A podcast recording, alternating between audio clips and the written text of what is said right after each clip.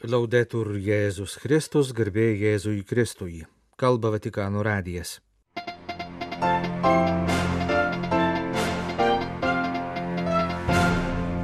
Paskelbta popiežiaus maldos intencija sausio mėnesiui. Popiežiaus užuojauta dėl žemės drebėjimo Japonijoje. Ukrainos vyskupai apie Kalėdų ir Naujųjų metų laikotarpį rusų įvykdytus antpolius. Baigėsi Slovenijos sostinėje vykęs naujametinis Europos jaunimo susitikimas. Kardinolų kolegijos sudėtis prasidėjus naujiems metams. Sausio trečią dieną minime Dievo tarnaitės Elenos Spirgevičiūtės kankinystės 80-asias metinės. Popiežius prašo sausio mėnesį kartu su juo melstis, kad brangintume bažnyčioje esantį charizmų, dovanų, tradicijų skirtingumą. No hay que tenerle miedo a la diversidad de carismas en la iglesia. Al contrario, hay que alegrarse de vivir esta diversidad. Neturėtume bijoti charizmų įvairovės bažnyčioje. Priešingai turime džiaugtis gyvendami šią įvairovę. Jau pirmosiose krikščionių bendruomenėse įvairovė ir vienybė labai stipriai reiškėsi ir kelia įtampą, tačiau sugebėta ją aukštesnėme lygmenyje įspręsti.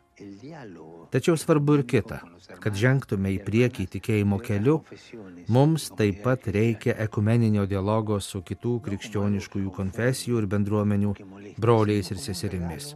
Turime tai priimti ne kaip kažką, kas kelia sumaištį ar nepatogumus, bet kaip dovana, kurią Dievas duoda krikščionių bendruomeniai, kad jį auktų kaip vienas kūnas - Kristaus kūnas.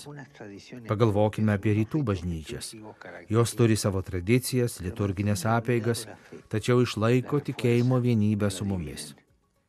Jos ją stiprina, o neskaldo. Jei leisimės vedami šventosios dvasios, turtingumas, įvairovė, skirtingumas niekada nebus konflikto priežastimi. Dvasia mums primena, kad pirmiausia esame mylimi Dievo vaikai, visi lygus Dievo meilėje ir visi skirtingi. Oremos al Espíritu Santo para que nos ayude a reconocer el don de los diferentes carismas dentro de las comunidades cristianas. Melskime, kad šventoji dvasia padėtų mums atpažinti skirtingas charizmas krikščionių bendruomenėse ir branginti skirtingas apeigas ir tradicijas katalikų bažnyčioje.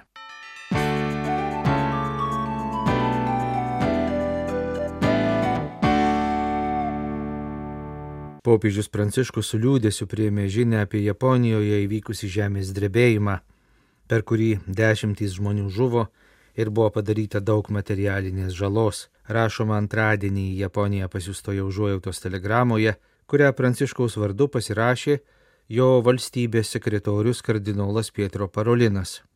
Telegramoje rašoma, kad popiežius reiškia savo dvasinį artumą visiems nukentėjusiems, meldžiasi už žuvusiuosius, už gedinčiuosius artimųjų, taip pat už gelbėtojus ir dar nesurastus, dingusiais laikomus žmonės. Popiežius taip pat drąsina civilinės institucijas ir pagalbos tarnybų darbuotojus, padedančius nukentėjusiems nuo šios tragedijos. Visiems popiežius siunčia godžiantį apaštališką į palaiminimą.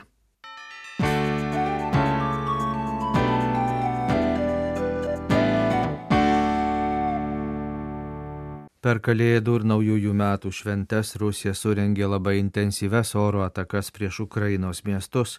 Pastarosiomis dienomis, o ypač per gruodžio 29-osios masinius apšaudimus, nukentėjo šimtai civilių objektų, žuvo dešimtys žmonių. Daugiausia civilių gyventojų aukų buvo Kyive.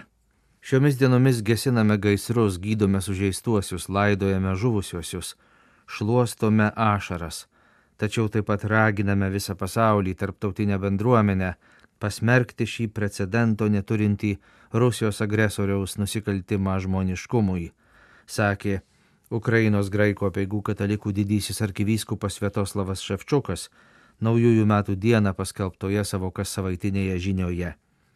Jis prašė graikų apieigų katalikų bažnyčios tikinčiųjų ir visų ukrainiečių melstis už Ukrainos gynėjus Įžengę į naujuosius metus turime žvelgti į Ukrainos karių, pasirengusio atiduoti gyvybę už savo šalį, veidus, sakė arkivyskupas ir linkėjo, kad prasidedantys metai atneštų laimingą kovų pabaigą ir taiką.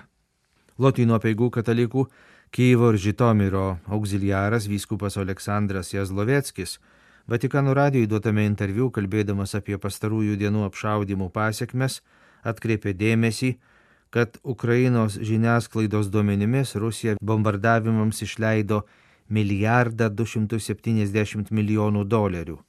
Įsivaizduokite, kiek pinigų buvo išleista ir kam - terorui, žmonių žudimui ir bauginimui. Sakė vyskupas ir atkreipė dėmesį, kad žūsta ne tik civiliai, bet ir kariai. Ukrainoje oficialiai pranešama tik apie civilių gyventojų aukas, tačiau žūsta ir kariškiai, žmonės dirbantys karinėse įmonėse. Nuostolių yra visoje Ukrainoje. Sunku net kalbėti, sakė vyskupas. Pokalbėje su kolege iš Vatikano radio laidų ukrainiečių kalba redakcijos vyskupas Jazloveckis pasidalijo jį patį ir daugelį kunigų slegiančių skausmu. Dvasininkai stengiasi būti šalia kenčiančių žmonių, tarpininkauja teikiant humanitarinę pagalbą, stengiasi paguosti ir sustiprinti. Tačiau ne vienas prisipažįsta, kad ypač per Kalėdų šventės buvo sunku rasti tinkamą žodį, kuriuo galėtų kreiptis į tikinčiuosius. Praėjo beveik dviejai karo metai, apie ką kalbėti per Kalėdas. Man asmeniškai yra didelė paguoda galvoti, kad Dievas nepamiršta savo tautos, nepamiršta žmonijos, sakė vyskupas. Kalbėjau būtent apie tai. Dievas mūsų nepamiršo, matydamas mūsų skausmą. Dievas jau suplanavo pergalės taikos dieną, kuri ateis. Daug ukrainiečių meldžiasi, daug žmonių užsienyje meldžiasi už mus. Ši žinia, kad Dievas mūsų nepamiršo, yra svarbi. Laimiai daugelis krikščionių tai supranta ir nenusivilia, tiki ir toliau meldžiasi. Ir iš kur galime tikėtis pagalbos, jei ne iš Dievo.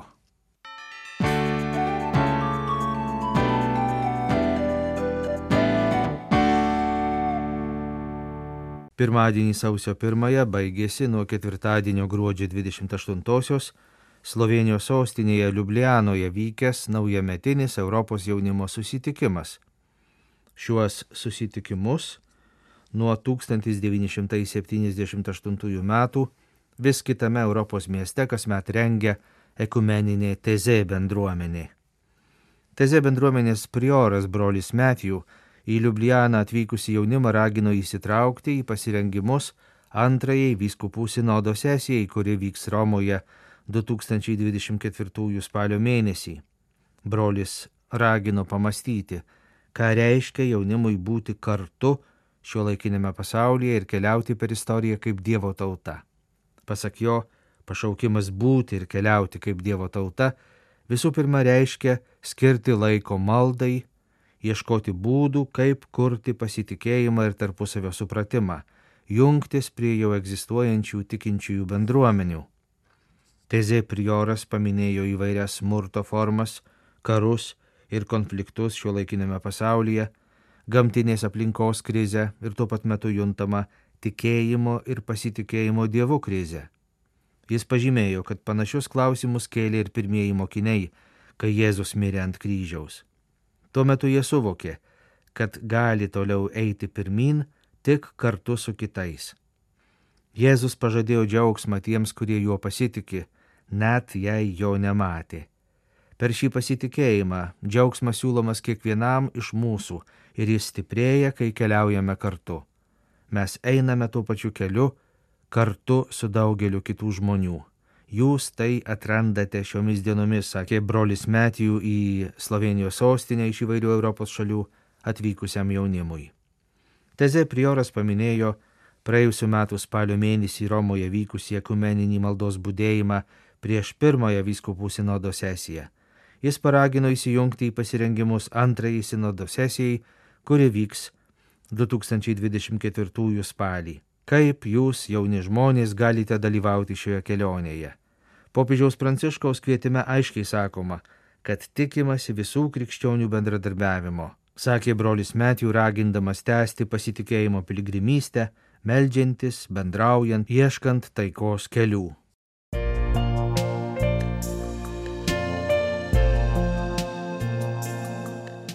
Jūs klausotės Vatikano radio. Tęsėme žinių laidą lietuvių kalba.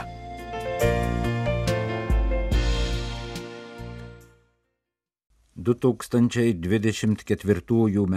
sausio 1 kardinolų kolegijoje 240 kardinolų, įskaitant 132 galimus konklavos dalyvius.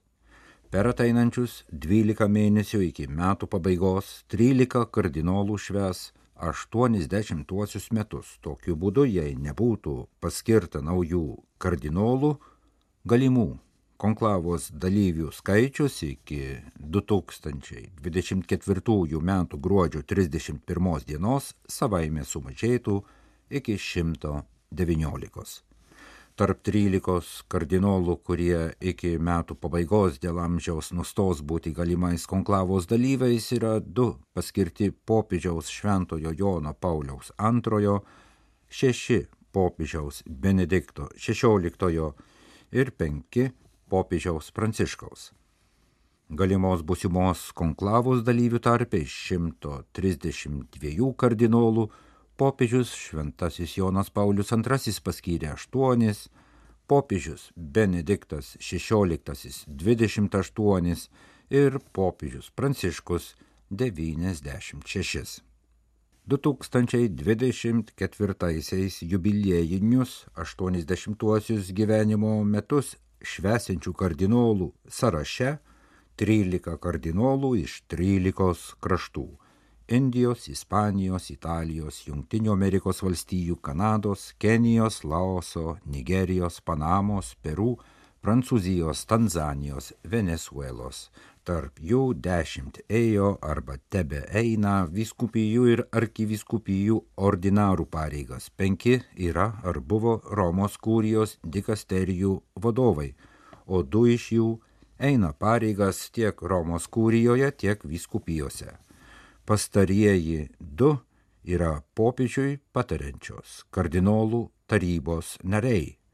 Šonas Petrikas O'Malley, Bostono arkivyskupas metropolitas iš Junktinių Amerikos valstijų, Romoje einantis popiežiškosios nepilnamečių apsaugos komisijos pirmininko pareigas ir Osvaldas Gracijas, Bombėjaus arkivyskupas metropolitas iš Indijos. Trys Romos kūrijos vadovai arba dar neseniai buvę dikasterijų prefektai yra italas Mauro Piacenza, apaštališkosios penitenciarijos didysis penitenciarijus, ispanas jėzuitas Luisas Francisco Ladarija Ferrer, tikėjimo mokymo dikasterijos prefektas emeritas ir kanadietis Šventojo Sulpicijaus kunigų draugijos narys Markas Huelė, Vyskupų dikasterijos prefektas emeritas taip pat buvęs popiežiškosios Lotynų Amerikos komisijos pirmininkas. Jei neįvyks kitų nenumatytų permainų, 2024 m. gruodžio 24 d.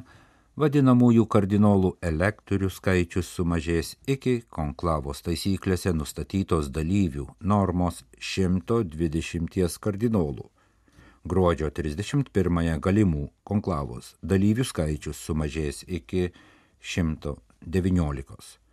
Lygi šiol galiojanti ir kelių popiežių patvirtinta 120 konklavos dalyvių skaičių 1973 metais įvedė popiežius Šventasis Paulius VI.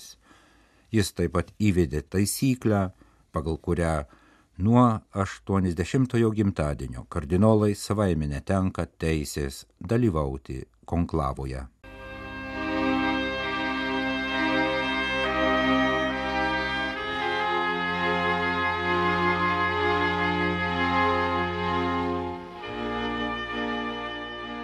Du tūkstančiai dvidešimt ketvirtieji metai Dievo tarnaitės Elenos Pirgevičiūtės šventumo bylai dvigubai reikšmingi.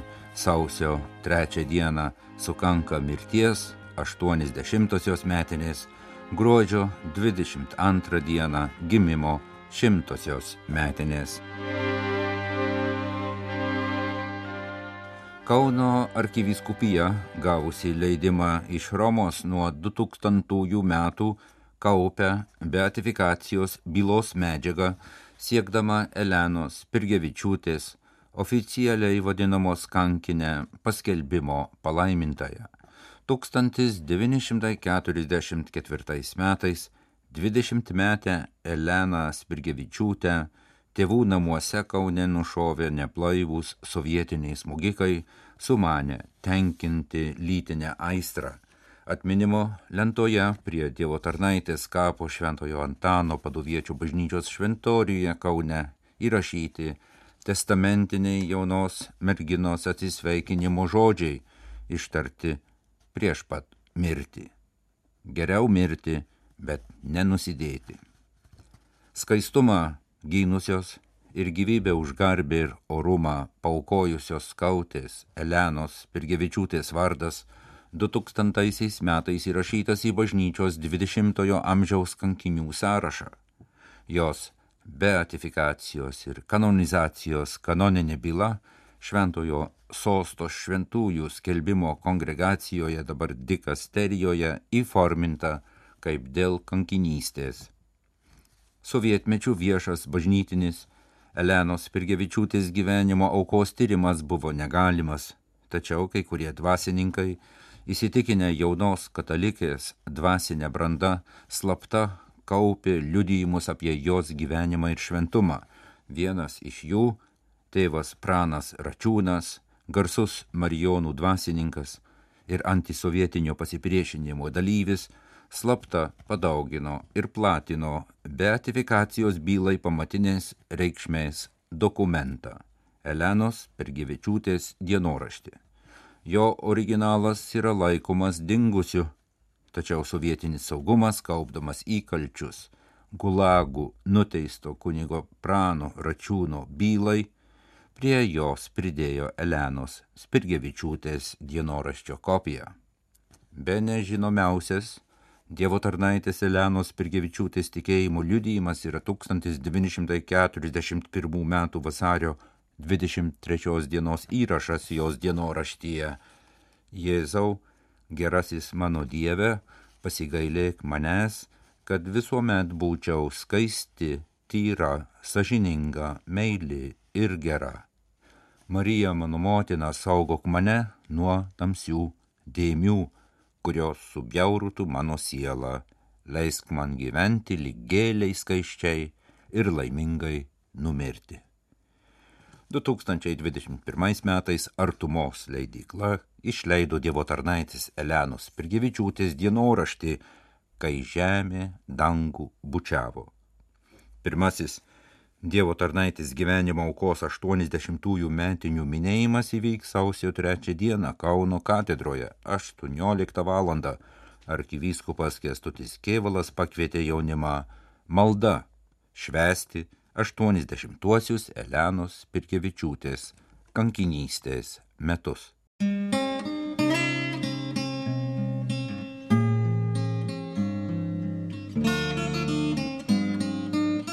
Kalba Vatikano radijas. Laidą lietuvių kalba baigėme.